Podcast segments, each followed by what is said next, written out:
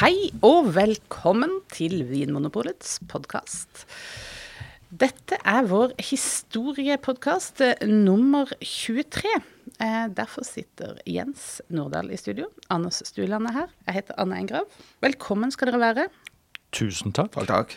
Hva skal vi snakke om i dag, Jens? Hvor er vi kommet i historien? 2007, eh, 2008. Jeg tror ikke vi kommer noe lenger i dagens episode, men det er veldig mye gøy da, som skjer også i disse årene. Ja. Hvert år sin glede. Ja, ja. Ja, vi, vi liker jo å begynne litt sånn ute i, Ja. ut i verden. ja. Vi gjør jo det, tidsånd. Litt kjedelig, men altså eh, Romania og, Bulgaria blir jo medlemmer av EU. Men vel, vesentlig mye mer interessant. I Norge så får vi et legendarisk sitat. Vet dere hva jeg tenker på da? I anledning Bulgarias eh, inntreden i EU, eller? Nei, det er en, vel en sånn konflikt i arbeidslivet som gir oss et, eh, et fall av en mektig kvinne også. Jeg er ingen pusekatt! Ja. Nei, altså, vi, vi snakker om eh, Gerd Liv Valla. Ja, det er det vi gjør. Eh, som jo eh, ryker i tottene på Ingunn Yssen, som eh, publiserer sitt avskjedsbrev vel, på, i VG. Og så har man da en skikkelig catfight, da, for å kalle det det, eh, gående i landets tabloidaviser, og for så vidt også debattprogrammer. Ja. Og det medfører da at den meget, meget mektige Arbeiderpartipolitikeren Gerli Gerd Liv Valla, tidligere minister også, hun faller jo som LO-leder, for det er det hun er på, på dette tidspunkt. Men hvis hun ikke er en pusekatt, hva er hun da? Eh, ja, vi må, jo, vi må jo litt oppover på rovdyrskalaen her òg, tror jeg.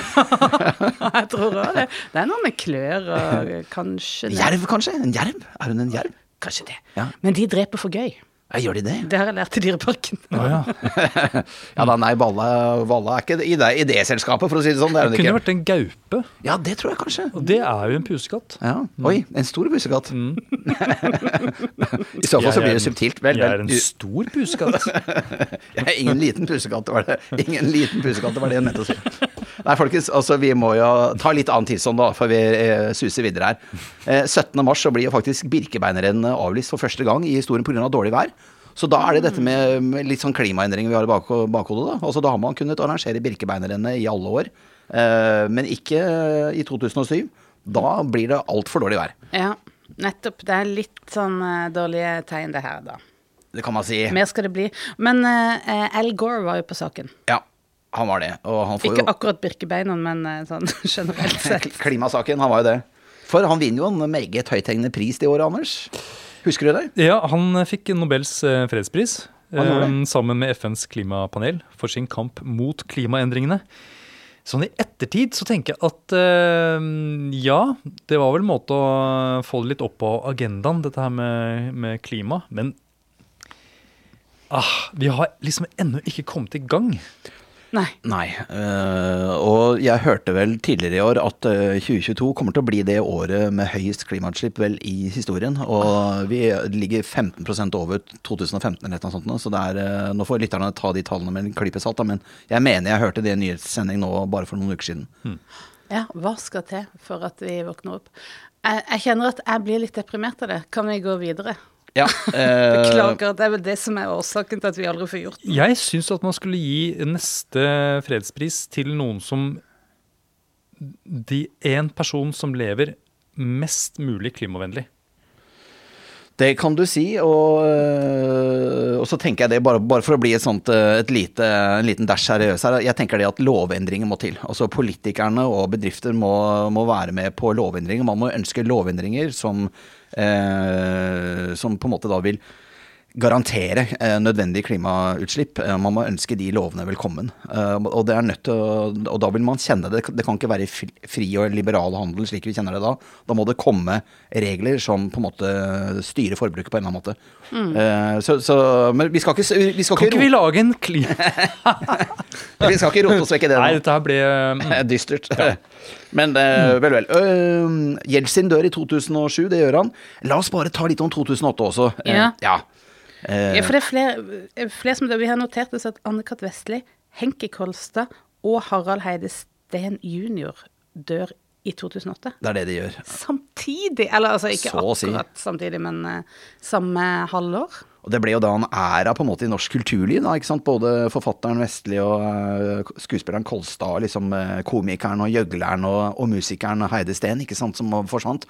Alle sammen med dype, dype skal vi si, røtter inn i den norske hjarterota. Ja. Ja. Underholdningskulturen. Ja. Eh, Det kommer alvoret litt sånn snikende opp. ja, kanskje på en måte, men det er jo fine ting som skjer i 2008 også. da. Obama, en av de flotteste menneskene jeg vet om, i hvert fall. Barack Obama vinner jo valget i USA. Eh, og litt sånn morsomt, da. Magnus Carlsen troner øverst på live top list, altså, som er den, denne sjakklisten, altså, vidt jeg skjønner, eh, for første gang eh, i sin karriere, og som den yngste noensinne. Så Carlsens hegemoni eh, starter jo da i 2008. Og han er fortsatt still going, han. Ja. I aller høyeste. Men dere. Eh, Vinmonopolet. Vi må tilbake til kontoret, holdt jeg på å si. det må vi.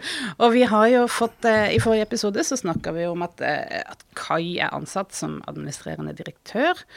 Eh, og vi har jo eh, på en måte kommet inn i litt sånn ny forelskelse vi, eh, vi beskrev da. Eh, og nå er jo hverdagen litt ny sjef. Hva gjør en ny sjef på jobb på, for Polet? Hva ville du gjort, Anders, hvis du var ny sjef? Mm, jeg ville s- sett litt og tenkt litt og spurt litt rundt og funnet ut hva er det Hva er det dere er flinke til?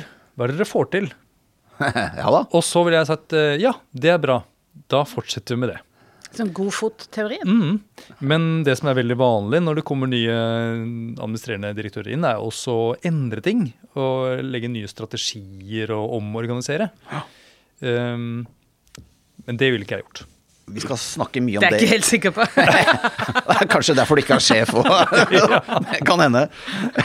For det er, ikke, det er ikke helt det Kai gjør når han kommer. Han, eh, han endrer jo, det skal vi snakke om i denne episoden, men også neste episode. Ja, du, men, du spurte jo, så du fikk jo svar. jeg liker det. Jeg liker godt at du svarer. eh, Det er bra du er ærlig. Og det, jeg, Men jeg er jo ikke administrerende direktør. da, Altså. Nei, det er noe med det. Eh, vi får da en ny strategi. Det er det vi gjør, Anne. Eh, vi får en ny strategi som jo Vi, vi redegjorde eh, jo for prosessen i forrige episode. Eh, Kai var lynrask. Han likte ikke å kaste bort tid. Han var eh, veldig målretta, og han greide også å skape entusiasme. Og han tjuvstarta jo. Eh, som, vi, som, vi, eh, som vi redegjorde for i eh, som sagt, forrige episode. Men vi fikk jo også et godt sluttprodukt. Og vi må jo nesten si litt om hva denne strategien inneholder, da, tenker jeg. Ja, Selve poenget Ja. med hele strategien Ja. var jo altså at vinmonopolordninga skulle styrkes. Ja. Eh, og så var det et annet mål som var likestilt, så vidt jeg har forstått. Stemmer det. Som var det at Vinmonopolet skulle altså være landets ledende faghandel. Og da har du egentlig redegjort for både politikkdelen og butikkdelen. For polet er jo både eh, politikk, altså helsepolitikk, og da butikk. Vi skal drive forretningsmessig og rasjonelt. Ja. Eh, Vi skal ikke kaste bort eh, penger, vi skal ikke sløse. Så vi, det er der vi er, da. Vi skal balansere mellom butikk og politikk, og sånn har det egentlig vært siden tidenes morgen, og sånn er det jo nå mer, mer enn noensinne, for å si det sånn. Balansegang. Ja. Og dette her som, som Grøholt var opptatt av også, at, at den er faget Ja. eh, i, eh, som liksom er eh, ryggraden til Vinmonopolets butikkdel, da. ja. Og faghandel. Faghandel. Rett og slett. Men også denne nye strategien den sto på seks pilarer. Og jeg tenker at er, Vi skal ikke fortape oss i detaljer her, lytterne kan ta det helt med ro, men det er greit å nevne dem, og nevne kort også hva de inneholder, tenker jeg. Eh, og den første pilaren, eh, jeg kan jo like gjerne begynne her, frekt og freidig. Alkoholpolitisk rolle. Eh, det handler jo da om at vi skal redusere forbruk altså av alkohol, eh, og da ikke minst alkoholskader. Det er derfor vi har et pol i Norge. Eh, og da handler det selvsagt i denne nye strategien om å synliggjøre at vi skulle ha et ansvarlig salg, og hva legger vi i det da? Jo, det skal være alderskontroll av alle under en viss alder. Vi skal stoppe alle langingsforsøk, og vi skal selvsagt ikke selge til berusede. Så skal vi også ha holdningskampanjer som bygger opp under dette, også som bygger opp under, kall det edruskapens fremme, som man kalte det litt sånn formelt og styltete i gamle dager. Så skal vi heller ikke pushe salget. Vi skal jo aldri si til kundene våre at ja, men vil du ikke ha en flaske vodka til, da? Altså, eh, vi, skal jo, eh, vi skal jo aldri pushe noe sånt nå. Eh, og, så skal, og så er det jo i selve polsystemet eh, så er det jo regulert tilgjengelighet. Altså det er, eh, nå har vi 344 butikker i drift i dag. Eh, Da Kai holdt på, så var det jo nede på 200-tallet. Men sammenlignet da med dagligvarebransjen, som selger øl, og som er på en måte alternativet til polet. Det er jo ingen som tror at alkohol blir forbudt i Norge igjen, eh, slik det var delvis på, på 20-tallet, ikke sant, under forbudstiden. Eh, Så er det klart at vi, Vinmonopolet er jo da en garantist for en mye mer regulert tilgjengelighet enn om vin og brennevin skulle vært solgt i dagligvarebutikkene. Som det da er 4500 av, hvis ikke jeg sa det i sted. Så det, det var den første pilaren. Ja, og det handler jo om verdens av svake grupper, egentlig. Men Ja, er, ja, det òg. Alkoholpolitikk. Ja, ja, og, og som sagt, å forhindre altså, lavest mulig alkoholskader i samfunnet. Griseviktig. men dette hadde vært en, en pilar eller et bein i Vinmonopolet før også. Det er jo ikke noe nytt, er det det? Nei, det er ikke noe nytt, men det highlightes, og det gjøres ekstra tydelig. Og vi, vi, han løfter det fram som selve reason to be, det man kaller misjon, eller mission. ikke sant? Altså, det, er det, det er derfor vi fins. reason why. Sånn at uh, det blir mye engelsk her nå, jeg beklager det, men eh, Sånn er det når man har jobbet litt for mye med strategi opp igjennom, men eh, den, Strategy. Ja, det er bra. Jeg forstår deg godt nå. Nei da, men eh, selvfølgelig altså, Og det må ikke være noe tvil om, i hvert fall ikke internt i selskapet, hvorfor vi fins. Så skal det vel kanskje også sies at uh, Polet har drevet butikkene sine så bra eh, etter hvert. da, Det har vært på en måte så velsmurt, det tilbudet vi har gitt befolkningen, at kanskje noen av kundene våre, kanskje i hvert fall de unge, liksom glemmer litt hvorfor vi fins. da. Eh, men det er for så vidt en annen skål og noe vi kan ta opp igjen i senere episoder. Men altså, eh, alkoholpolitisk rolle eh, helt sentralt. Og også løftet frem av Kai, selvsagt, som, som eh, den røde tråden i vårt virke. Men la oss gå videre. Eh, hvis dere ønsker det. Ja, ja, ja. det syns jeg absolutt vi skal. Pilar nummer to.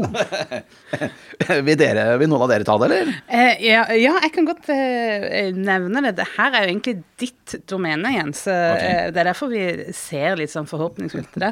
Men det handler jo om eh, Vinmonopolets eh, forhold til omverdenen. Det gjør det, vet du. Og, og omverden i vår, vår omverden, det, det handler jo om eh, de som Våre grossister, altså bransjen. Rett og slett. Alkoholbransjen. Drikkevarebransjen. Ja. Um, og hva annet er det egentlig Hva er det som ligger i vår verden, sånn solsystem? Ja, Det ene er jo som du sier, Anne, altså disse konkrete aktørene. Men det skal jo også være en måte vi jobber på. Altså Det, det vokser etter hvert frem et, eh, et krav og et behov for eh, tydelig samfunnsansvar. Det skal vi snakke mer om i denne episoden senere. Men altså, vi må ivareta miljømessige dimensjoner og klimamessige dimensjoner. Eh, det, eh, altså det, eh, i, i, eh, I verdikjeden bakover. Eh, altså Vi skal i minst mulig grad sløse, men også da sløse med naturressurser. ikke sant? Vi skal drive mest mulig effektivt, og det er, det er jo bra. Eh, En ting er at det er bra for businessen, en annen ting er at det er også bra for miljøet. Man, man eh, forbruker ikke da ressurser unødvendig, og, og, og vil da i minst mulig grad eh, eh, ødelegge natur. Det høres jo kanskje litt banalt ut, altså, men det, dette er ting som, dette er ting som må, virkelig må settes høyt på agendaen. Slik at man sørger for at man har gode systemer hvor produsenter da ikke på en måte raserer natur lokalt der hvor de produserer, men at det er gode, gode systemer for naturforvaltning. At eh, det ikke er eh, unødvendig med gjødsling. At ikke da eh, det er for mye utslipp fra vinmarker osv. Men altså, alt dette begynner jo da å settes på, på dagsorden. Også etikk i varekjeden, kommer tilbake til det senere. altså At det er gode arbeidsforhold for alle som jobber med å produsere varene bakover, enten det er snakk om vin eller brennevin eller, eller øl. Man ønsket også at polet skulle være en, en deltaker i samfunnsdebatten. Ikke nødvendigvis kanskje starte debatter selv, men at vi i hvert fall skulle eh, gi lyd fra oss da, hvis eh, folk stilte oss spørsmål. Eh, Speak when spoken to. ja. Apropos det engelske, absolutt. Presist og glassklart oppsummert. Men det hørtes sånn litt servilt ut. Ja, jeg, jeg tenker òg det. er det sånn gammeldags barneoppdragelse. Var det, var det sånn? Var det det som var tanken i strategien? At vi eh, skulle sitte stille til vi fikk beskjed om å gi lyd fra oss? Ja, Vinmonopolet må jo, altså i kraft av å være et statseid aksjeselskap Vi er jo direkte underlagt Helse- og omsorgsdepartementet. Vi får hvert år et eh, ikke, ikke et tildelingsbrev, men et oppdragsbrev. Vi blir fortalt hva vi skal gjøre. Så jeg tenker at det ligger jo litt i sakens natur at Vinmonopolet skal være litt servile. Eh, vi er en del av et demokrati, og det, dypest sett så er det jo eh, parlamentet, altså Stortinget, ikke sant. Politiker, folkevalgte politikere som legger rammene der, og så er det da et flertall fra, eller på en måte et en, enten en flertallsregjering eller en mindretallsregjering som styrer da på Stortingets nåde, for å si det sånn. Eller med, med parlamentarisk flertall, ikke sant, med grunnlag i ryggen. Eh, og, og, da blir det jo veldig demokratisk eh, problematisk om Vinmonopolet ikke skal lojalt forholde seg til de eh, instruksene vi får fra, fra høyere hold, for å si det sånn. Så vi er jo en del av et samfunnsmaskineri hvor vi får marsjordre. Eh, samtidig så har vi også talerett, men det er klart at eh, vi finnes jo fordi at eh, man eh, i Norge, politisk og folkelig, har ønsket kontroll med alkohol. Så, så vi, vi, får jo nå Høres jeg kanskje litt streng ut her, hører jeg, men eh, det er, vi, vi, ja, vi, skal jo Vi skal jo Det er jo veldig dumt om Vinmonopolet begynner å bli en stat i staten, da. Det skal vi unngå. Ja, men jeg tenker jo kanskje at det som ligger i denne strategien her, som Kai var på en måte arkitekten til, ja er mer sånn pusher litt på akkurat den der deltaker i samfunnsdebatten. Han var kanskje litt mer aktiv enn vi har sett tidligere, eller ja. i hvert fall på noen tiår, da. Absolutt, og han, han, ville jo at vi skulle ta en aktiv rolle eh, når det var naturlig, men det var kanskje ikke naturlig at det var Polet som skulle starte en debatt om avgifter. Eh, det hadde jo Grøholt gjort noen år tidligere, og det ja.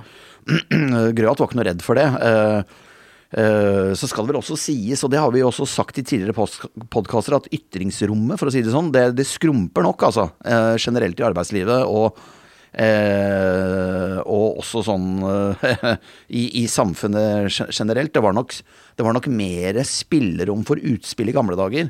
Og vi har jo også i Eh, disse tidligere episodene av denne historieserien vår, så har vi jo stusset jo veldig over at Vinmonopolets ledelse selv ville jo bestemme prisen og innføre avgifter og alt mulig mm. sånn. Ting som er helt utenkelig nå. Sånn at i gamle dager, og nå er jeg tilbake igjen på 50-tallet, ikke sant, 1950-tallet. Eh, man hadde jo da mye uh, flere verktøy i kassa da.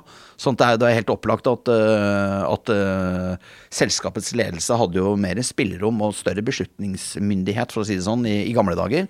Og nå er ting mer sentralstyrt. Så kan man jo mene hva man, hva man vil om det, men, eh, men, det er i hvert fall sånn, eh, sånn samfunnet utvikler seg, da. Mm. Men det er interessant da, i en sånn, når man lister opp eh, hva en sånn strategi inneholder, så ja. er det noe altså Når det bare står deltaker i samfunnsdebatten, det betyr jo egentlig ingenting. Ja, det, det, sier ikke noe, det står ingenting om altså, vi skal være en tydeligere eller være mer eller mindre. Og, og nå høres det ut som vi faktisk var en en større deltaker i samfunnsdebatten før eh, Kai sin tid. Og så var det, var det, målet i strategien, at vi skulle være en, en mindre deltaker? Nei, målet var å være en større deltaker. Og, ja. og det var vel sikkert også da eh, Det hadde vel sikkert også kommet reaksjoner på Grøholts utspill tidligere, ikke sant, og sånne ting. Og jeg vet jo det at det var enkelte statsråder som ikke likte jo ikke at Knut Kryholt skrev eh, kronikker om store alkoholpolitiske utfordringer, og det, det handlet jo da om eh, situasjonen med uregistrert alkohol, særlig sprit, eh, altså smuglersprit, ikke sant, eh, rundt år 2000. Før metanolsaken, ikke sant. Da gikk jo proppen ut av, eh, av smuglermarkedet, for å si det sånn, i 2000. Mm. Og to, etter at vi da fikk en tragisk serie av metanolrelaterte dødsfall. Altså folk hadde da drukket metanol og forgiftet smuglersprit, ikke sant i 2002-2003. Men altså, det var før dette at da Grøholt skrev kronikker om å, at Vinmonopolets markedsandel på brennevin særlig da, var veldig lav, kanskje så lav som 40 eller 45% mens da godt over halvparten av det nordmenn drakk av brennevin, var da grensehandel, taxfree eller smuglersprit. Eh, det var jo eh, den type kronikker, eh, og da foreslo han jo avgiftsreduksjon. Det var den type kronikker som nok hadde på en måte satt noen politiske sinn litt i kok. Eh, og han hadde blitt kalt inn på teppet og sånn.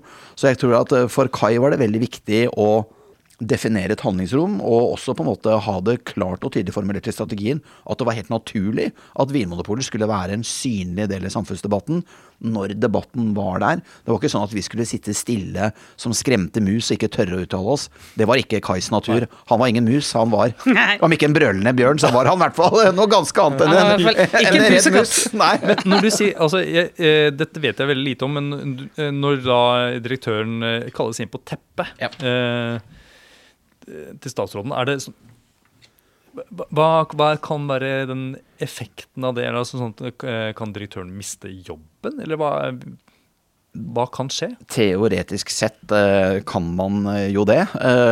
Og det er jo en advarsel om at nå må du legge om kursen. Eh, og det er klart at eh, vi har jo hatt en deilig perlerad av AD-er som har eh, vært inne på dette berømte teppet. Vi burde jo hatt et bilde av dette teppet! Hvordan står de på dette teppet når de, når de er kalt inn på teppet? Det får bli til en annen podkast. Det blir svært gjerne å se. det. Det er Er det persisk teppe, eller er Det det er veldig få som Flygende teppe. det er veldig få som har tepper lenger. Sånn. Det er jo Inn på parketten. på parkettene. Ja, ja, ja. Vi må videre. Ja, vi vi må får videre. ta på oss i denne strategien. Ja, men det er, veldig, det er veldig interessant, egentlig. Det er noe som liksom er litt sånn skjult. Og jeg, jeg har egentlig et spørsmål til før vi går videre. ja det syns jeg vi skal ta. Ja, Eh, det syns jeg òg. Og det, når du sier at det, um, vi måtte kanskje være litt forsiktige med å være en, en Å være den, den som er først ute. Ja, eh, med ikke mening, starte med men- Ikke starte debatten. Men var, er det noen måte å likevel hva skal jeg si, starte debatten, men ikke være avsender? Du kan jo dytte på noen eh, som kan starte en debatt, eller man kan dytte på noen som dytter på noen. Eh, men så fikse er vi eh, i veldig liten grad, altså. I hvert fall ikke meg bekjent. Så det, eh, og disse debattene de lever litt sitt eget liv uansett. Og det som jo er, er at eh, sterke handelsinteresser, NHO vi- og Virke og sant, også andre, er jo veldig opptatt av å f.eks. bremse grensehandel. Så de har jo til stadighet utspill eh, om f.eks. reduserte avgifter. Så veldig mye av det som eh, Altså denne alkohol, alkoholpolitiske debatten, den lever jo helt uavhengig av hva Vinmonopolet gjør. Så eh, nei, altså vi er, eh, vi er lydige i Vinmonopolet, og skal være lydige. Og eh, jeg tenker at eh, mange av de alko alkoholpolitiske debattene som vi har, de, de er ganske bra. Og det, er nok ikke veldig mange debatter som burde vært tatt, som, som ikke er tatt, tenker jeg. Men samtidig så kan vi også se på det som disse her holdningsskapende kampanjene vi driver med. Ja. Når vi eh, samler inn et faktagrunnlag at så og så mange studenter drikker så og så mye ifølge ditt og datt, og, og gir den informasjonen ut, så er jo det også en måte å være en del av samfunns... Ikke akkurat debatten, men eh, det er i hvert fall å være en del av den verden vi lever i. Ja, ja absolutt. Og da, og da bringer vi jo mer fakta til torgs. Og det, det er jo også da helt eh, i forhold til kjernen av det vi skal holde på med. ikke sant, Ansvarlig salg. Så det å, det å gi den type informasjon eh, i en form for kampanje er jo ikke å starte en debatt, egentlig. Det er egentlig å vise til eh, jobben vi gjør, og at kvittere ut at liksom, check, vi, eh, vi leverer på det vi er forventet å levere på. Ja. Ja, Og så var det et punkt som het gode relasjoner til bransjen. ja det var det vi starta med i sted, ja. Stemmer. Eh, som også var en del av det med relasjon til omverdenen. ja, Hva, stemmer. hva betyr det å ha god relasjon til bransjen, og hadde, og hadde vi ikke det? Eh, dette var jo i kjølvannet av Eikjord-saken, vet du, Anders. Eh, og det er klart at da var det jo veldig mye snakk om etikk, ikke sant. Og det var jo snakk om uønsket påvirkning og sånne ting. Og det var jo et veldig veldig selvstendig og viktig poeng at vi eh, Og med, og med bransjen så mener man da importører, produsenter, altså alle som lager det vi selger, ikke sant. eh, og distribuerer det. Og det er klart at eh, vi er jo forventet eh, av, av EU, av EU, eller EØS-avtalen, ikke sant. Og, å ha et sånt li, altså, likebehandlingsprinsipp. Det skal være rettferdighet. Det skal være lik markedsadgang for alle. Så man hadde jo dette med, eh, med antikorrupsjon, eh, med rettferdighet, med transparens. Det var jo ekstra høyt på dagsorden i kjølvannet av Eikjord-saken. Så det var, klart at det var jo et selvstendig poeng å highlighte det. Eh, å ha en naturlig Vennlig, åpen, avslappet uh, holdning til bransjen. For det hadde jo gått en kule varmt i forkant, det veit vi jo. Ja. Nettopp. Eh, Så, altså eh, pilar tre. Dette kan bli en lang episode. Men pilar tre, da. Vi må snakke om den fort. Kanaler, butikker og, og roller. Eh, Vi begynte å snakke om en multikanalstrategi. Det handler jo da altså, Dette er et nytt begrep vi innfører da, men det handler jo da om at man ikke lenger bare snakker om butikker, ikke sant? men man snakker om nettbutikken, kundesenteret. At det skal være gode bestillings- og leveringsordninger for dem som er bosatt i kommuner uten pol, f.eks. Men at at det er et samspill mellom kundesenter, digitale tjenester og de fysiske flatene våre, fysiske butikkene våre. At dette blir på en måte en multikanalstrategi. Det er Det- det vi nå kaller omnikanal. Det vi nå kaller omnikanal. Det har vi hjemme i vår familie også. En omnikanal? Ja, ja. Det, er, eh, det går på tekstmelding, det ropes fra eh, kjøkken til kjeller. Mange ulike kanaler. Ja. Eh, sånn har det blitt.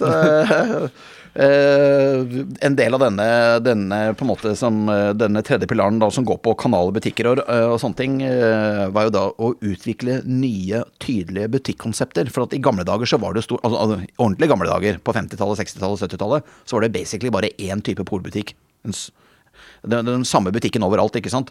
Det var jo først egentlig rundt årtusenskiftet at vi da begynte å skille i grunnsortiment, hovedsortiment og den aller største fullsortiment. Eh, eh, Men så går jo da utviklingen i rasende fart, ikke sant. Og vi skal jo da åpne veldig mange nye butikker i årene som kommer. Du, det- ja. Var det noen spørsmål rundt det navnet fullsortiment? Nei, men det burde det kanskje vært når du sier det sånn. Det har jeg ikke tenkt på før. Nei, ikke jeg heller. Så, men i hvert fall så begynner vi da å tenke tydeligere rundt ulike butikkonsepter, og vi utvikler da nye butikkonsepter under Kai. Uh, og så blir det også highlighta av økonomen Kai at alle butikkene må bære egne kostnader. Det hadde jo ligget der som en implisitt regel, men det, dette blir jo highlighta. Også fordi at presset, det politiske presset om å åpne nye butikker er så stort. Og så er det da sortimentet. Ja. Og det eh, handler vel både om at, eh, som jeg snakka om, at eh, Kai er jo en eh, vinmann. Og, men eh, det er jo ikke bare interessert, altså. Men det, det er jo ikke bare han Nei. som dette handler om. Det handler jo også om at det er en stor vinverden der ute Ja. som, er i, eh, som folder seg ut. Mm.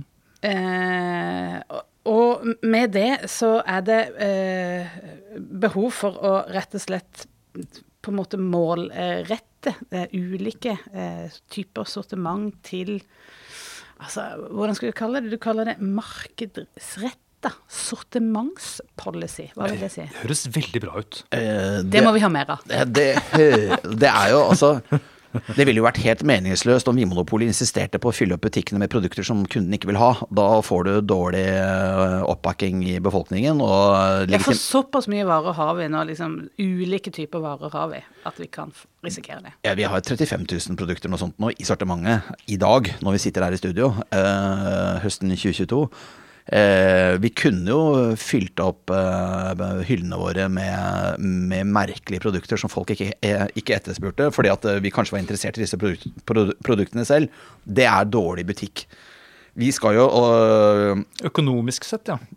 det òg, men vi er jo bedt om av eh, våre eiere, altså staten, vi er bedt om å utvikle oss eh, i takt med befolkningens forventninger og behov for å opprettholde eh, framtidig støtte til Vinmonopolordningen og til framtidig norsk alkoholpolitikk, som er restriktiv i et europeisk eh, kontekst, da, i en europeisk kontekst.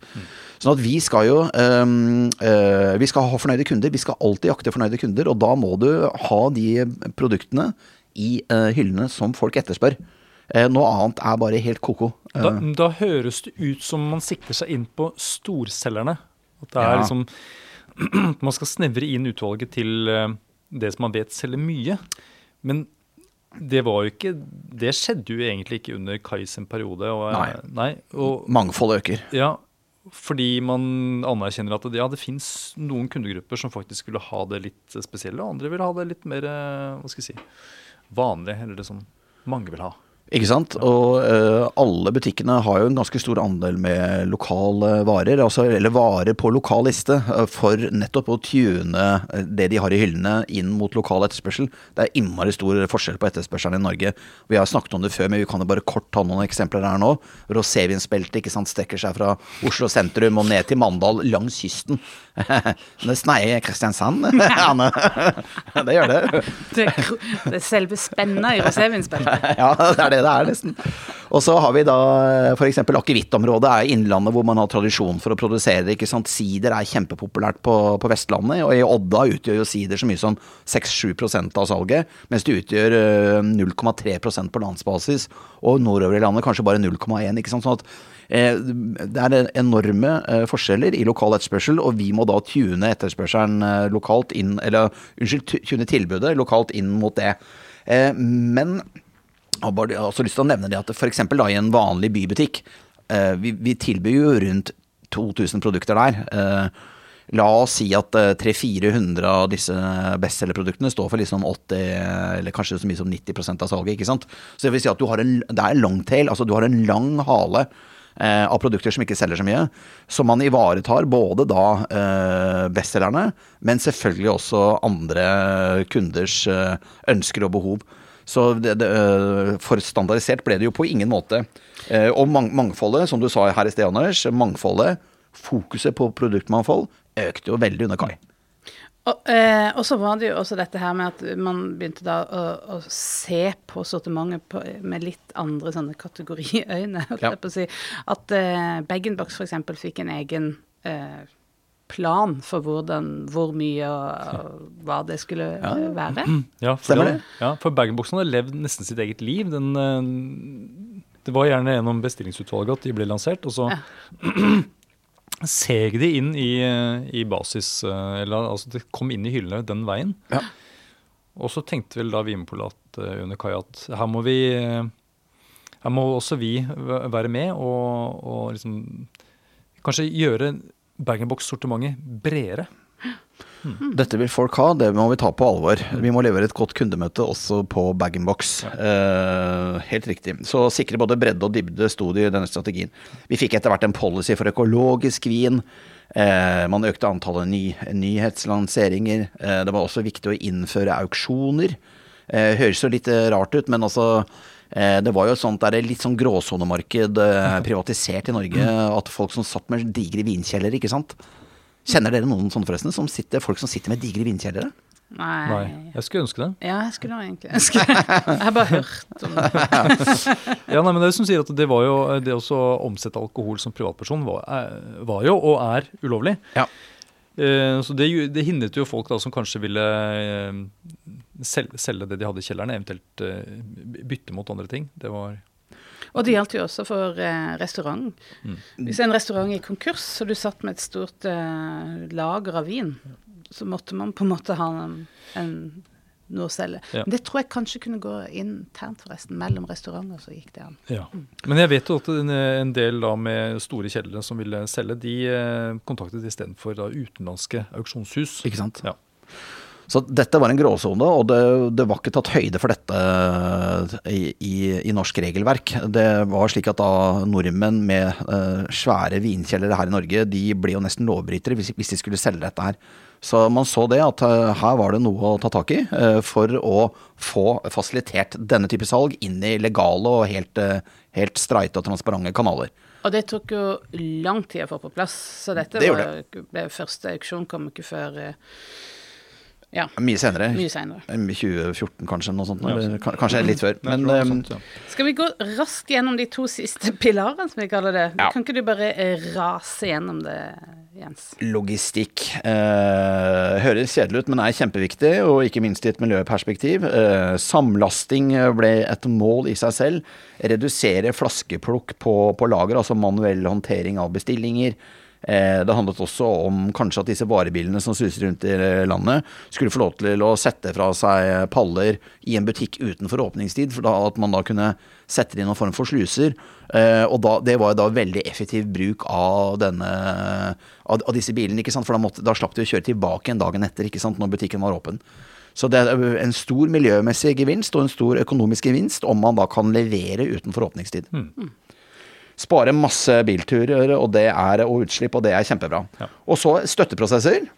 Og så kom ja, men bare, Ja. Det er noe som jeg husker fra butikk. uh, var det som da ble kalt for uh, spacing.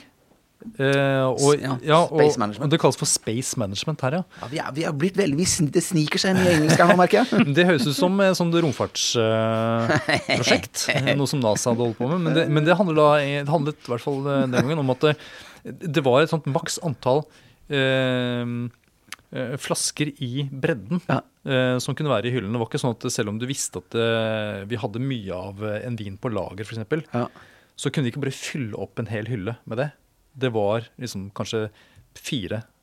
Det var liksom maks i bredden, f.eks.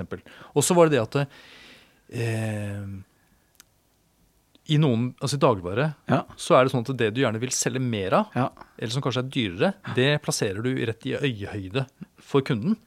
Og så plasserer du det du, som du kanskje ikke vil selge så mye av, fordi det kanskje er ikke så økonomisk lønnsomt. Det plasserer du lenger ned, f.eks. Mm. Men eh, i Vinpolet så fikk man da, var det da, ble regulert med denne Space Management at eh, det var helt, helt tilfeldig. Det skulle bare følge et sånt eh, altså, Prislista? Prislista slavisk. Og alfabetet. Ja, så Det betyr at eh, et veldig populært produkt kan ha, kunne havne egentlig helt ned på bånn, ned mot gulvet. Det måtte være regler for dette. Space Management, som du sier. Det er polets månelanding, dette her. Ja. Nei, den var dårlig.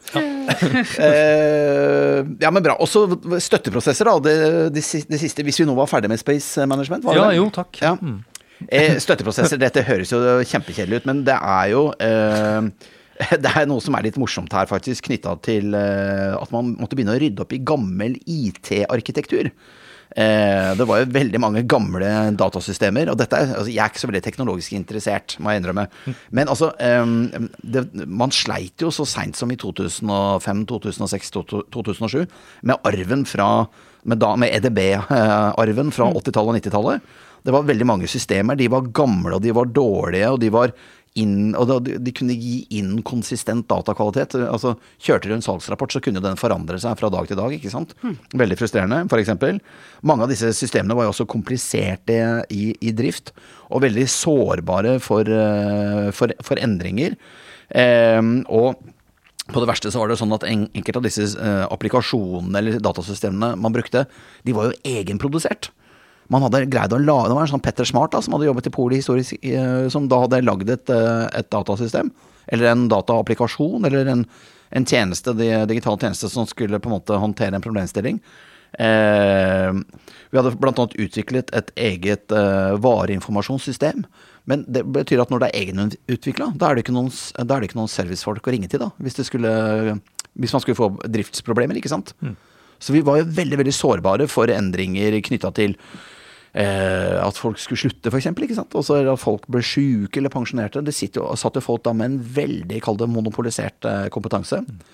Eh, og så det var jo et, et herlig lappeteppe uh, av uh, ulike IT-systemer, som jo var uh, en risiko for driften.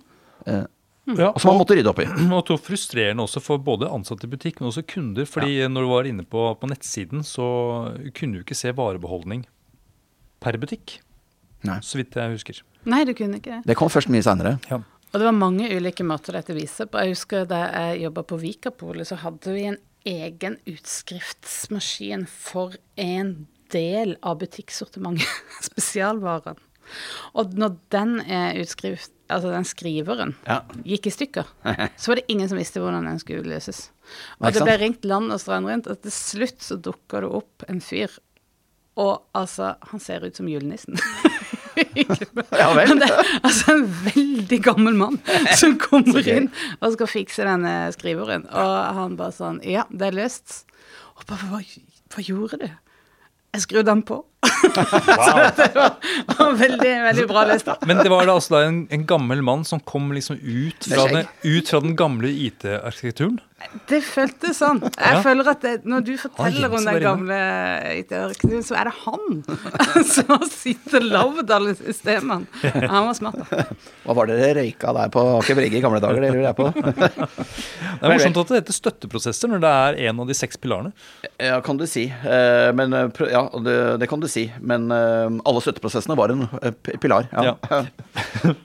Hvis vi hadde kalt det bein, så har vi da seks bein. Det er da et insekt. ja. Å ja, interessant. A bug. Visste du ikke det? Jo. Ja, du visste at inse- insekter har seks bein. Hvis jeg hadde vært åtte, så hadde det vært en edderkopp. Ja. Eller krabbe. Eller Ja. en krabbe.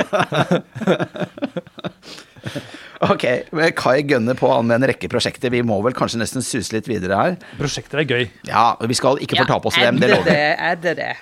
Nei, det er Bare ikke så si det som er aller gøyest da med dette, Jens. Ja, det, altså, det morsomste her er kanskje disse helt generiske navnene. Altså, Ja. det var, Kan du eh, lese det som et dikt? Eh, Utredningsprosjektet, verdikjedeprosjektet, multikanalprosjektet, forbedringsprosjektet, funksjonsdelingsprosjektet, eh, ny IT-arkitektur. Den, den brøyk litt i rytmen. Ja, Det gjorde, det var litt spennende. Jeg synes det var en fin slutt. Det var litt sånn Jan Erik Vold over dette her. Ny, nydelig, Jens. Ja, jeg vet ikke. Tusen takk. Dette tok vi Det fikk jeg nå tenke på. Ja, ok, men hva var det? Og, og det generiske navn, eh, og det var jo litt sånn Det, de, eh, det er litt morsomt at disse navnene ikke forteller oss noen ting. Sånn forbedringsprosjektet. Hva i all verden skal man forbedre? Men la oss ta det, da, når vi først nevner det. Altså, det var da kostnader i Vinmonopolet. Kartlegge kostnader både internt og på aktiviteter. Så det gikk på økonomi.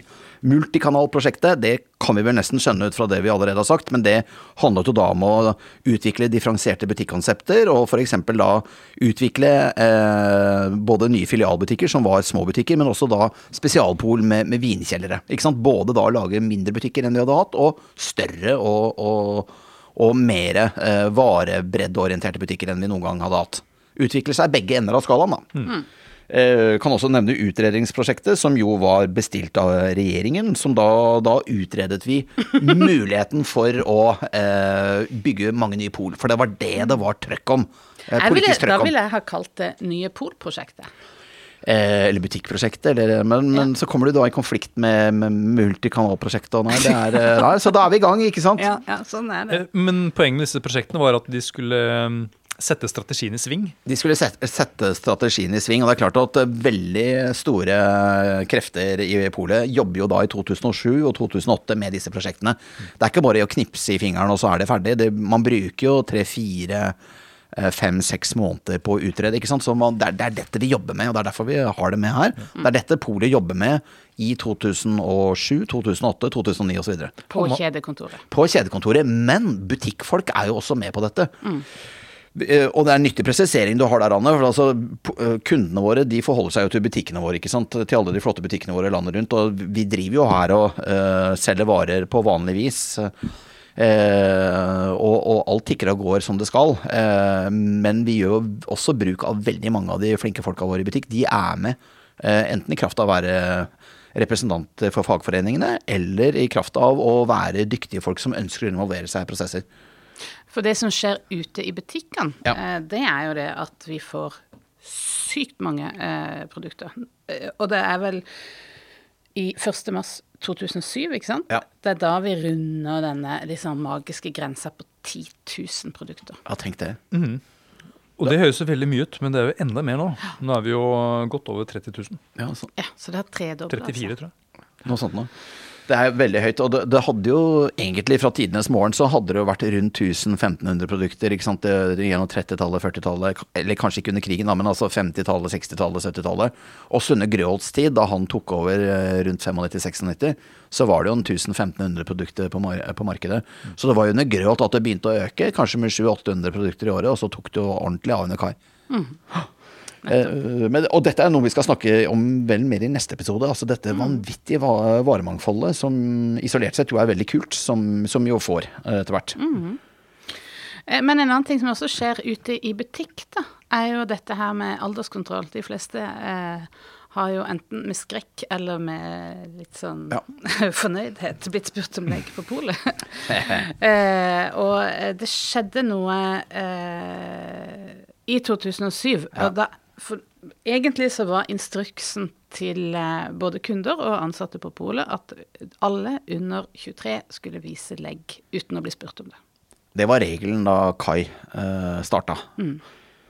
Så får vi jo en sak, altså det kommer en, eh, vi får en mediesak. Eh, og den er basert på en forskningsrapport fra Sirius, som er forkortet da til Statens institutt for rusmiddelforskning, som nå har blitt en del av Folkehelseinstituttet. Eh, men altså, de publiserer jo da rapporter, og en eh, rapport de da publiserte i 2007, våren 2007, så var det etterlatte inntrykket at veldig mange unge eh, da under aldersgrense lett kunne kjøpe alkohol på Vinmonopolet. Så dette ble en mediesak, men det var da mediene som vrei til noen funn fra denne rapporten. Det var jo sånn at noen unge kunne greid å, hadde greid å kjøpe på polet, men det var veldig, veldig få case det var snakk om. Men det ble en mediesak. Mm. Da husker jeg det at uh, det var så innmari kult å se hvordan Kai uh, jobbet uh, for å løse denne saken raskest mulig. Han allierte seg med styret, han allierte seg med ledergruppen, og så bare tok han en beslutning. Han bare, nesten på timen, eller altså det tok veldig kort tid, da. Så bare bestemte de seg for at man skulle heve denne aldersgrensen fra 23 til 25. At det skulle da bli et mål for Vinmonopolet å stille alle under 25 år eh, om, om legg på polet. Og, og at målet da skulle være at alle under 25 uoppfordret skulle vise det til oss. Og da eh, tok jo Kai kontroll på saken, viste handlekraft, eh, og saken ble jo ganske raskt lagt død. Eh, og det, det var liksom noe med at han kom inn og var en handlingens mann, altså. Eh, man var kanskje litt vant til at ting skulle ta litt lengre tid. Men under Kai så var det noen ting som kunne ta kort tid, og noen ganger så var det veldig digg at ting bare kunne blitt løst raskt. Ja. Ja. Det som kunne blitt en svær eh, greie, ble bare løst. Og saken ble jo ekstremt, eh, ekstremt lett å argumentere hjemme med media. Ikke sant? Her kunne man jo da, eller her hadde man fått kritikk. Eh, og så tok, eh, så tok vi bare og og fattet den beslutningen, og så var på en måte saken ute av verden.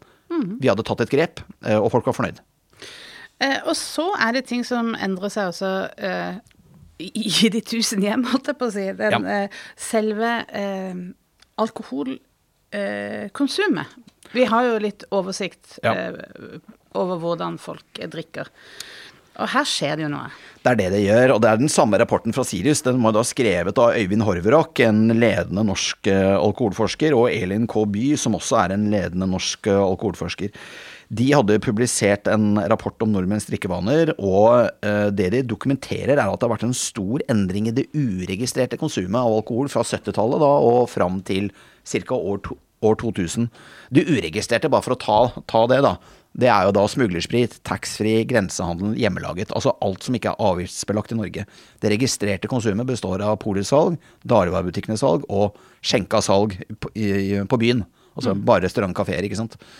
Og alt dette gir da det totale eh, alkoholkonsumet. Men eh, de hadde her gjort en forskningsstudie på eh, på uregistrert eh, alkohol. Og det de ser, er at det er en stor endring i nordmenns konsum av eh, uregistrert alkohol.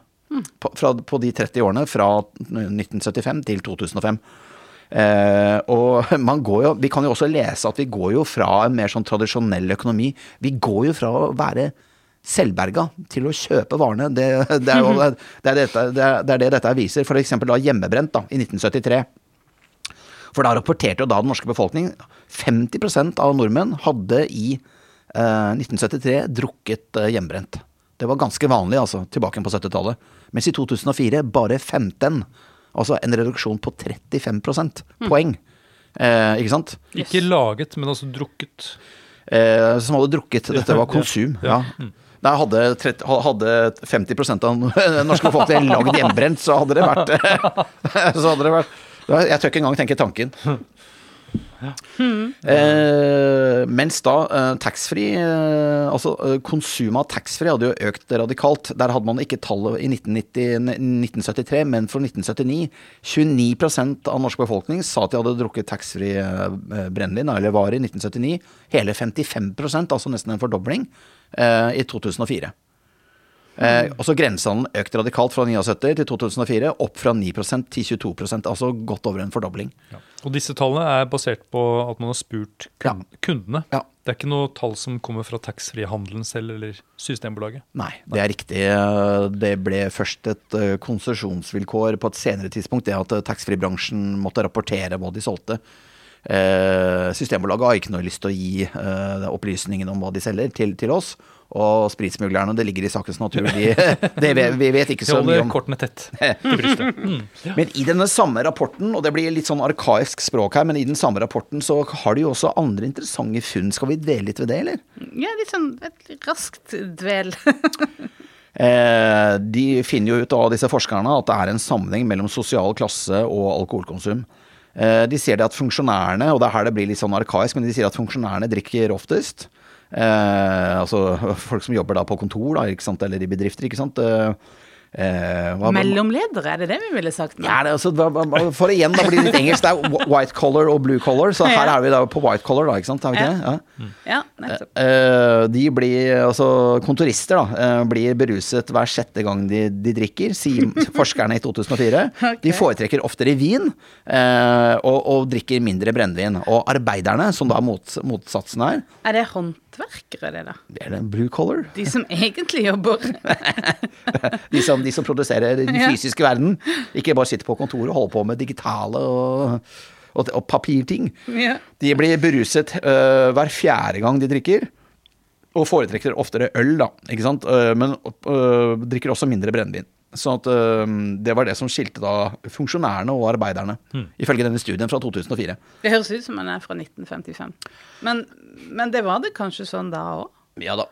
Eh, det I nå er- 55, ja. ja. Ja. At det har vært store sosiologiske forskjeller uh, om hva ulike befolkningsgrupper drikker. Absolutt. Og det som kanskje egentlig overrasker meg, er jo at eh, menn drikker så innmari mye mer enn kvinner fortsatt en dag i dag. Jeg lurer Mm. på om i hvert fall to tredjedeler, kanskje så mye som opp mot 75% av alkoholkonsum i Norge er det menn som står for.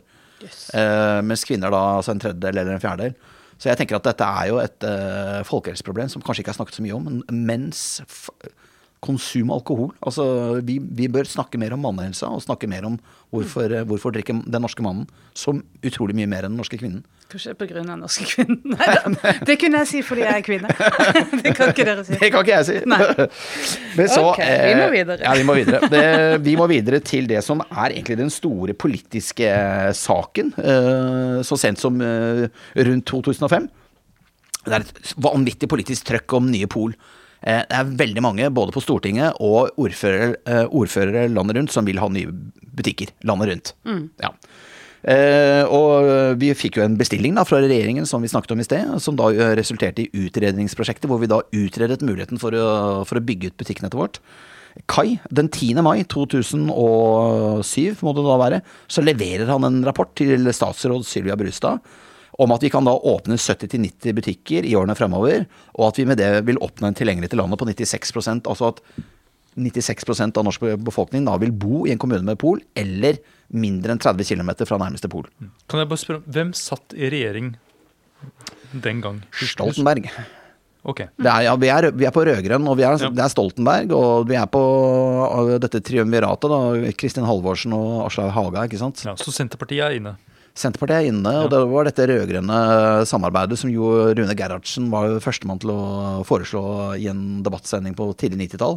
Da ble han jo raljert med, ikke minst av toneangivende Arbeiderpartipolitikere, men uh, drøyt ti år senere så var det jo en politisk realitet. Ikke sant?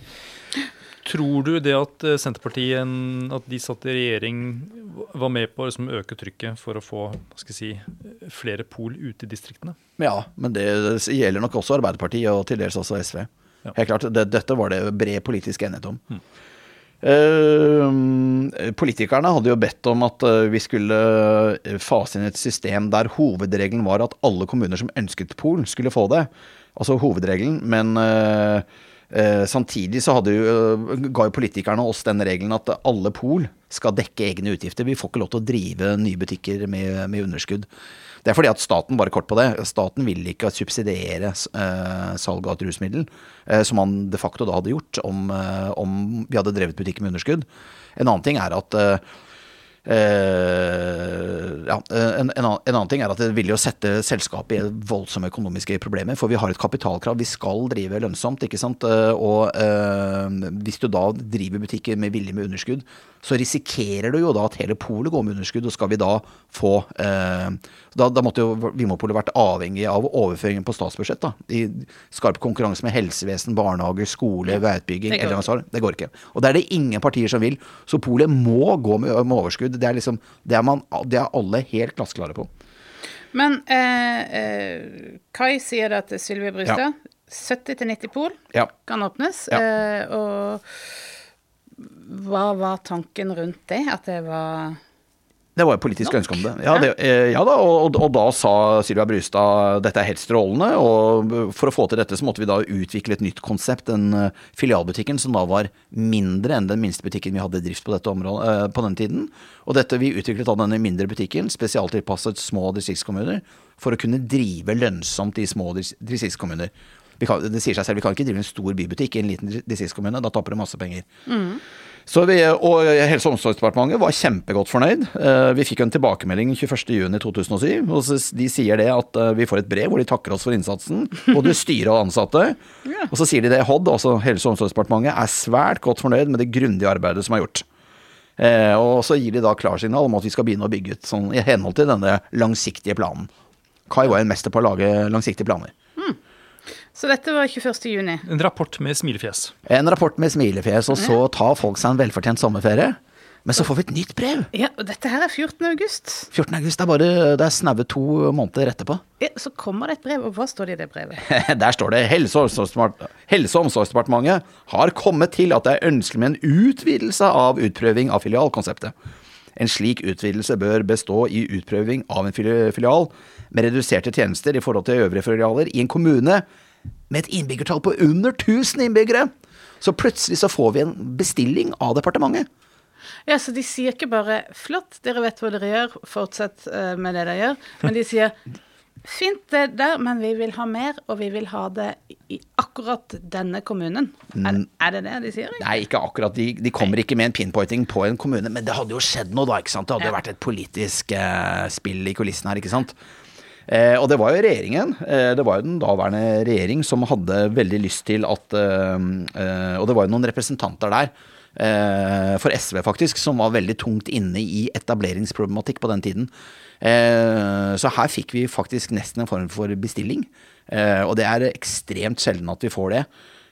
Fra politisk hold, ikke fra departementalt hold, for å si det sånn. De var jo egentlig bare da budbringeren som måtte gi denne beskjeden videre.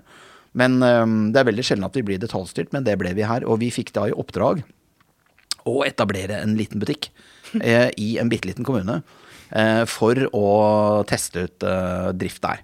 Rent analytisk i bakkant, når man ser det i speilet, så, var, ikke, så var, det, var det nok ikke så dumt. For at vi hadde jo aldri Altså Vi vet at det er veldig vanskelig å legge ned pol eh, i kommuner som har fått det. Eh, men rent analytisk så ønsket man jo å teste ut om modellen vår var riktig. Og ved å da velge en butikk, eller eh, kommune, eh, som var mye, mye mindre enn alle andre, så kunne vi da teste ut om prediksjonene, altså også på små kommuner, eh, viste seg å stemme. Og det, og det gjorde den jo. Vi drev jo denne butikken i fem år. Det var Namsskogan vi valgte. En liten kommune i Nord-Trøndelag med, tus- med snaut 1000 innbyggere.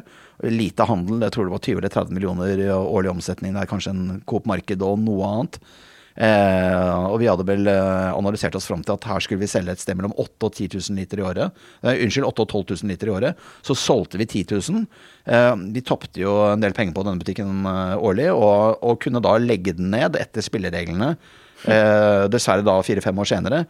Etter å ha gitt den da eh, en lang prøvetid. Eh, og, og sånn sett så var jo da den instruksen vi fikk og som kanskje irriterte oss litt da, da vi fikk den, den produserte jo en veldig god kunnskap, eh, nemlig det at vi visste da at eh, det, var, det var ikke sånn at eh, vi, vi var ikke nå veldig usikre på om vi kunne drive butikk i små kommuner eller ikke. Vi visste at modellen var robust på prediksjonene, også på nå små kommuner.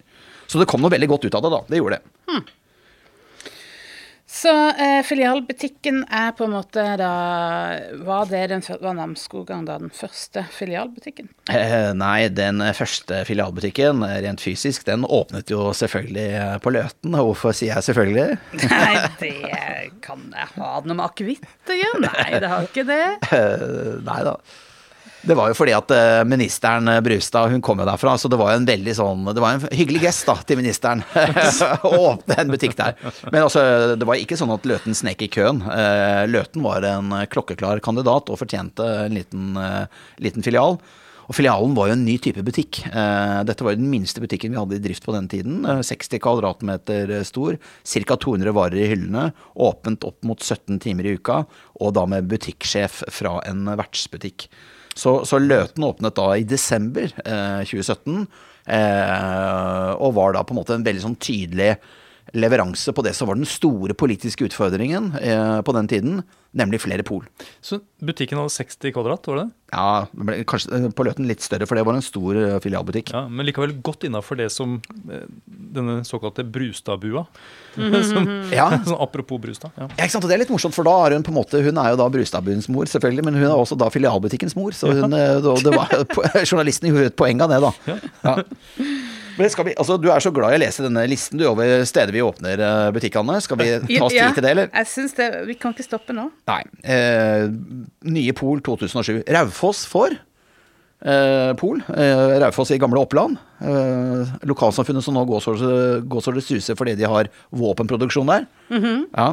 Dystert bakteppe der. Søgne, og da er vi nede i dine trakter. Ja, Det var der jeg gikk på rideskole. Der sier du det? Oi. Oi. Suser rundt på hestene i Søgne, du. Ja da. Søgne har nå blitt en del av Kristiansand. For, Ja, for oss som er interessert i ja, det er sant. Mm. Frøya. Enn så lenge. Laksekommunen Frøya. Det er jo der vi har laksemilliardærene. Ja, enn så lenge. Enn så Enn så lenge, ja. Enn så lenge, ja. Ja. Nome kommune i eh, gamle Telemark med det tradisjonsrike tettstedet Ulefoss. Ja, Får i Pol. eh, de får pol. Eh, det er eh, Kumlokk. Kumlokk kommunen. Eh, kommunen. Ja, det er helt riktig. Eh, fiskeværet eh, Myre i Øksnes kommune på Vesterålen får. Der er det full fart når det er fisk å hente, og så er det litt sånn søvnig når det ikke er fisk å, å hente. Eh, Høyanger, eh, selve Norges store grytekommune. Grytekommune, ja. enda mer metall. Ja. Enda mer metall. Og den, morsomt nok, Høyanger ligger jo som en Det ligger jo liksom i en gryte. Så det ligger, eh, bygda ligger på bånn omgitt av høye fjell. Det var der de fikk inspirasjon. Hva skal vi lage her, da? og så det startet industrieventyret der. Rygge med, med flyplassen for også Pol i 2007. Setermoen i Bardø, som jo er et sted mange norske rekrutter og militære jo har, har vært, eh, fikk Pol. Mediebygda Volda fikk Pol, og allerede omtalte Løten, da. Da er vi over i 2008, og vi må snakke litt om Velkommen til Pol-familien. Ja, vi er over i 2008. Ja. Eh, mye av det samme foregår eh, videre, men eh, det- det som kanskje er nytt i 2008, kan vi snakke litt om, og det er det som heter CSR.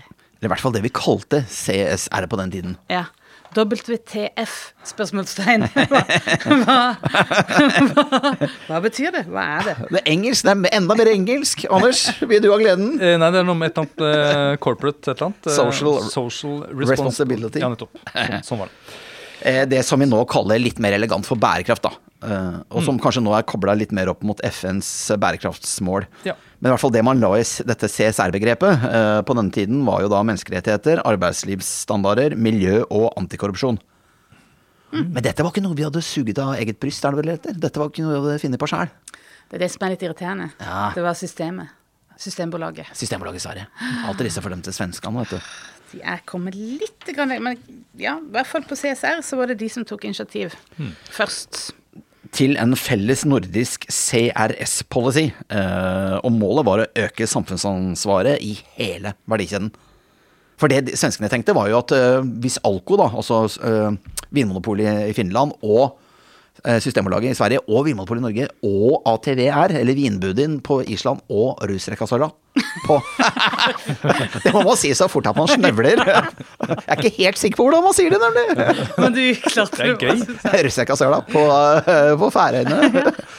Når alle de fem monopolene står seg sammen, da blir vi store og mektige. Da kan vi påvirke til det til the common good, altså. Det er Ja. Det er sant. Og eh, dette samarbeidet holder vi fortsatt på med. Ja, ja, ja. Er du gæren?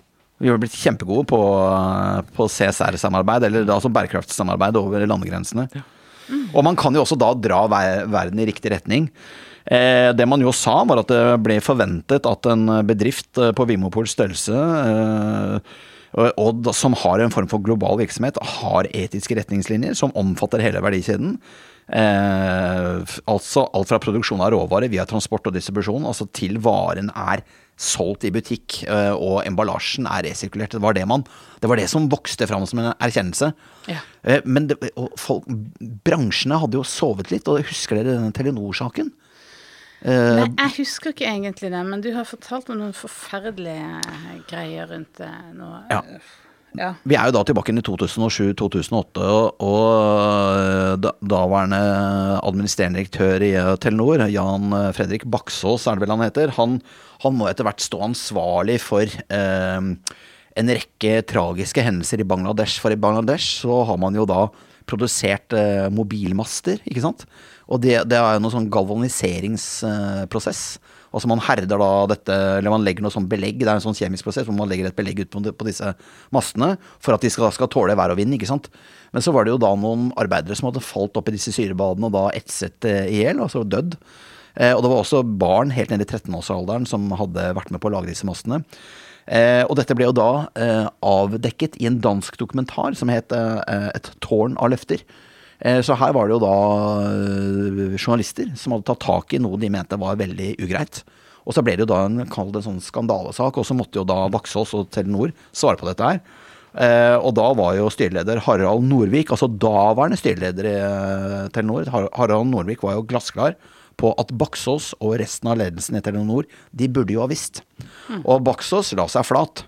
Og jeg hørte Baksås på en eh, konferanse i bakkant, han sa det at liksom vi Eh, og han var helt enig i at de burde ha visst, men de hadde ikke hatt det på agendaen. Så det var ikke noe sånn, ikke noe sånn bevisst eh, De hadde ikke bevisst lurt seg unna. Det var bare ikke i tankesettet. Eh, og det mente da danske journalister, etter hvert Folkeopinionen og styreleder Harald Norvik, at det burde man. Man må liksom Man må da for søren altså ha kontroll på det som skjer bakover. Hvem ellers skal ta kontroll på det, om ikke da de store, rike bedriftene i, i den vestlige verden? Eller for så vidt i andre land, da. Altså, så i, i hvert fall det, bedriften som selger sluttproduktet og tjener på det, er ansvarlig for verdikjeden. da. Denne erkjennelsen vokser fram så sent som uh, i årene rundt 2006, 2007, 2008. Og det eh, Det tenker jeg denne ansvarsbiten er jo nå en sånn selvfølge. Det er i hvert fall noe man snakker mye om. Eh, det at det kom på dagsorden for første gang også i Vinmonopolet i 2008, betydde det at man endra noe praksis, eller betydde at man eh, en, Ja, skjedde det noe annet enn at vi begynte å snakke om det, eller er det sånn som har dukka opp før seinere, at det er folk her på kontoret som har ansvarsområder knytta til det? Det er et langsiktig arbeid, og man starter med å legge planer. Og man legger da planer sammen med som sagt, de andre alkoholmonopolene da, i Skandinavia. Og så begynner man etter hvert å kommunisere disse planene til eh, bedrifter og aktører i andre land. ikke sant, med Gjerne land på den andre siden av kloden ikke sant, med en helt annen kultur, og det tar tid å endre ting. Men jeg tror budskapet sakte, men sikkert eh, går inn. Eh, og dette er et lang, eh, møysommelig og langsiktig arbeid som, som gir resultater, men det krever mye innsats, og det krever mye felles innsats og koordinering. Eh, så det handler om å forbedre verden til det bedre. Det er mulig, men man, da må man ha stamina. Da må man stå i det, altså. Eh, så det gir resultater, men det er ikke å bare knipse i fingrene. Det er ikke det. Nei, men takk til de danske journalistene som mm. begynte ballet. Ja, og takk til Systembolaget som ja. var langt framme i skoen nå, tenker jeg. Vi får si det sånn. Absolutt. Nye Pol i 2008. Ja, eh, Namsskogan er, er jo allerede nevnt. Det kommer jo en rekke andre filialer her. Vi tar det i rask rekkefølge. Lødingen det er faktisk kommunen i Norge med Norges største mottak, mottakshavn for sild. Så vet vi det. Ja. Lom, det er jo kommunen med Gollepiggen. Ja, Og med Brimi. Og med boller? Er det? Nei, det er kanskje ikke det. Jo da, det er boller der òg. Ja. Mm. Og et steinmuseum. Ja. Og Arne Brimi og en veldig flott stavkirke som er gammel, gammel, gammel. Eh, Vanylven eh, er en, eh, en liten og litt eh, Hva skal vi si Nå må jeg velge mine ord med omhu her. En litt sånn, det, det er tre bygdesentrum i en liten kommune som konkurrerer litt mot hverandre. Og da det, det, Den er litt sånn den, eh, der, der står tiden litt stille, og jeg tenker at man skal ikke se på det som en trussel. Man skal, det, man skal se Her selger man velvære og lave skuldre. Oi! Sånn skal man nok tenke i Nå blir jeg, nå blir jeg nysgjerrig. Hvor er, hvor er Vanylven? Det er vel der er Møre og Romsdal, men ganske Ja, det er, eh, er det litt sør eh, Eller ja, det er jo litt sånn nedi Det er sånn Sunnmøre-opplegg, tror Ja, jeg. dette skal jeg Jeg lurer ned. jeg Jeg har vært der, jeg burde visst det. Jeg skulle sjekke kommunemottoet. Det Det får bli til neste episode. Vanylven. Luster uh, innafor Sogn, altså på Turtagre og også med Jostedalsbreen og sånne ting. ikke sant? Ja. ja. Luster for Pol. Vardø. Det er vi så langt i omtrent øst i Norge vi kommer for Pol. Lille Vardø. Drangedal. Sputnik. Ja, Sputnik. Ja, Ja, ja, ja, tenk det, du. Sjøvegan, som eh, det, ny, det nydelige eh, knutepunktet Sjøvegan i Indre Troms. Ja. Som eh, har Millionfisken-festivalen eh, i juni hvert år. Ja, Vestby, eh, Vestby i Follo for Pol. Lyngdal, det er nede i dine trakter igjen, Ja, det. de har en ku i kommunevåpenet, for det er. Lyngdalskua. Nettopp. I Ringebu, som jo er Der har de en veldig berømt slakter som ligger i Ringebu sentrum. Eh, De fikk Pol. eh, Tjøme. Det er jo der eh, Det er en av Norges største hyttekommuner. Og det er der tror jeg prisene på hytte, sommerhyttene er dyrest. Tjøme kommune. Det er der verden ender. Nettopp. Gikk prisen opp når polet ble etablert der? Interessant, kanskje. Det kan du sjekke. Det kan vi sjekke. Eh, Hokksund eh, i Øvre Eiker får eh, Pol. Jeg hørte, jeg hørte at det heter Hoxen. Jo, jeg tror det. Har, Haksen. har, har tror dere det- vært der, forresten? Jeg, jeg tror det lokale sier Haksen. Ligger fint til ved elver. ja, jeg, klart jeg har vært på Hoksen. Ja, det, men det er bra. Det er trivelig, trivelig. Og det, er- der er et kjempefint rådhus. Øh, Det er jo vel verdt at Det er noe sånn øh, funksjonalistisk øh, 60-tallskultur. Eh, Nei, hva er det jeg sier? øh, 60-tallsarkitektur. Kjempekult øh, rådhus. Eh, Vel, for arkitektinteresserte, vel verdt en tur, altså. Ja, ja. Eh, Brattvåg, Haram, eh, nå en del av Åles- Ålesund, eh, fikk pol. Sørumsand, nå en del av Lille eh, Altså i Sørum kommune, da, som nå har blitt en del av Lillestrøm, fikk pol. Jeg vil bare opplyse lytterne om at Jens har ingen jukselopper når han snakker om disse kommunene. Liertoppen i Lier kommune får pol. Og hva er Lier, eh, Norges største kommune på, vet dere det? Det, Jordbær, kanskje? Nei, det er eh, Fjord kommune. størst, nei, de, er størst, de, de produserer mye epler. Eh, ja. Og det er Norges ledende salatkommune. Ja, Salaten kommer veldig tidlig. Eh, Den nederste delen av eh, Lier. Når man kjører, ikke sant? Og når man kjører fra Liertoppen og ned mot Drammen, ikke sant? så ser man hele den enorme slettene, de enorme slettene, solfylte områdene, ikke sant? Jeg tenker vinmarkere. jeg kjører. Norges Moseldal.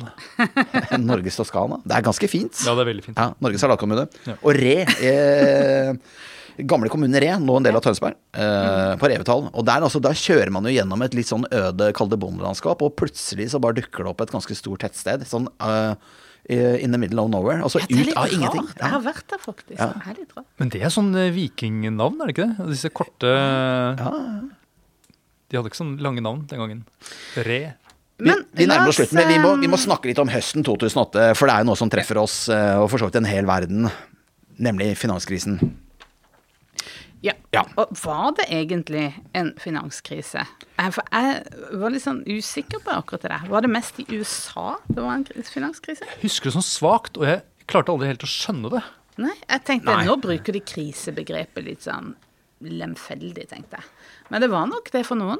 Man var jo veldig redd for at det skulle rakne som en sånn dominoeffekt, ikke sant. Og Mm. det starter jo med en boligboble i, eh, i USA. Altså det var disse råtne subprime-lånene, ikke sant. Eh, Det var jo, dette er lagd noen spillefilmer om, ikke sant. Men det var jo, det var jo noen eh, finansakrobater som hadde sett en mulighet på å tjene veldig mye penger på litt sånn uærlig, i hvert fall uetisk vis borti borti eh, USA. Og så ryker da Lehman Brothers, eh, som er en diger Er det en bank da, eller finansinstitusjon eller et eller annet sånt? Ryker da september 2008. Og så er man redd for at eh, det at den faller, skal liksom få enorme konsekvenser. Og i USA ble det jo en stor krise. i USA det ble det en stor krise, og denne for, og, Man vet jo fra tidligere kriser Altså verden Det er som Gro sa, alt henger sammen med alt. Eh, I hvert fall eh, langt på vei, og ry- ryker et land eh, finansielt. Og i hvert fall USA, da. Store USA. Landets største, ikke sant. Eh, økonomisk. Så de hadde lånt ut for mye penger, var det det som var problemet? Vi skal ikke gå for mye inn i detaljene her, for dette greier jeg ikke å redegjøre for. Men altså, det var jo Det var jo, det var jo en form for boble, boligboble. Eh, Det var ikke Det speilte jo ikke reelle verdier, det det, det ble solgt for, eller altså det, det ting var prisa som, ikke sant. Så det var en boble. Uh, og, og, og det blir jo da en, en uh, Og den heter jo finanskrise, for det er jo først og fremst kanskje i de miljøene den utspiller seg, men man er jo livredd for at den skal forplante seg til Norge.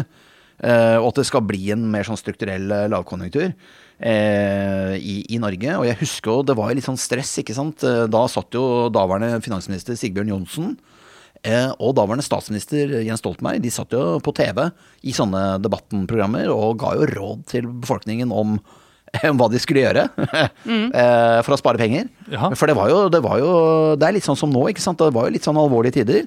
Eh, finansielt, økonomisk. Ja, Det er interessant. Jeg er egentlig på jakt etter sånne gode råd, jeg. ja. Og Da husker jeg en programleder som sa, jeg tror det var Stoltenberg, altså, har du noe råd å gi til dem som frykter for økonomien, eller som trenger å kutte kostnader? Ja da, det hadde han. Og liksom, spar kostnader, sa Stoltenberg. Jeg sånn, ja hva da? jo, bruk mindre strøm. ja, hvordan skal man bruke mindre strøm, sa programlederen. Nei, man kan jo la være å fylle opp tekokeren helt til eh, toppen hvis man bare skal koke vann til én kopp te, sa Stoltenberg. Kjemperåd! Ja. Her er det penger å hente. Og da tenkte jeg det at uh, hvis det er det rådet man kan få, så er det grunn til å være stressa. Eh, da, de sa vel sikkert Jeg skal ikke Vi driver ikke og latterliggjør Stoltenberg her nå, men jeg, bare, jeg mener å huske at det var rådet man fikk, og jeg syns at det kanskje var et litt sånn puslete og litt, art, litt merkelig råd å få, da. Men det, er- det er klart, det sier vel seg selv at man ikke skal koke opp for mye varmt vann, men enda viktigere er det kanskje å ta på seg en strikkejakke og tøfler, da, og så skru ned ovnene, ikke sant, og sånne ting, da. Men man, det var jo denne type ting man satt og diskuterte på debattprogrammene, husker jeg. Men eh, i polet, da? eh, var det frykt og beven?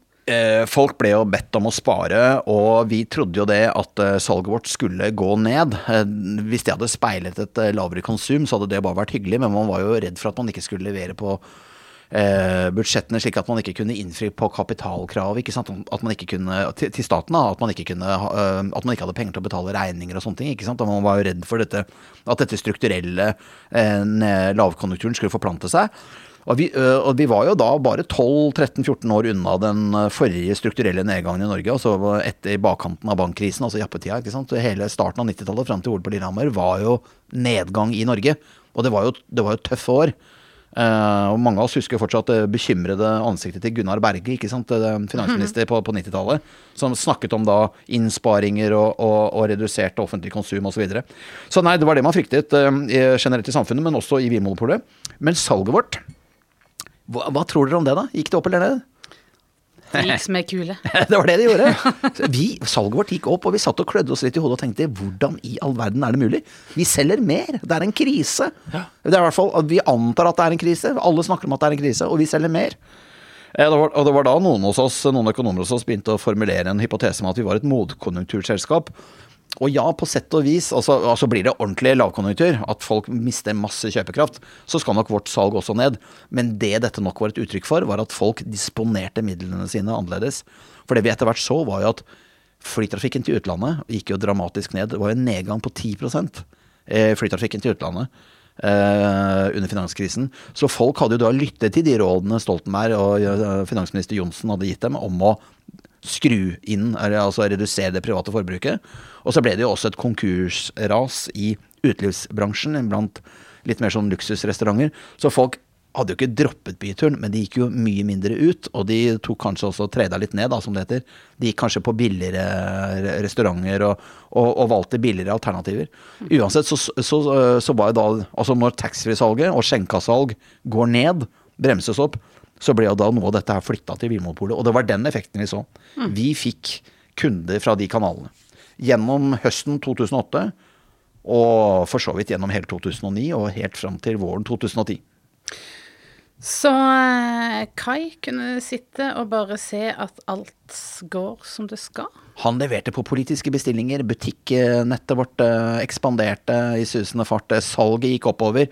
Vi rykka oppover på eh, alle mentometere, eller hva heter det, alle galluper. Eh, Det var pilarer, det var prosjekter.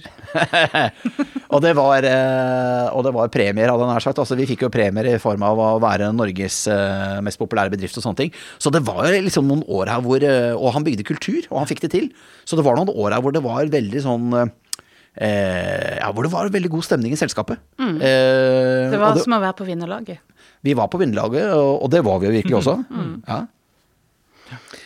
Ja, nei, men um, det er jo en litt eh, behagelig følelse. Skal vi bare la den Skal vi bare ta med oss den og så avslutte her?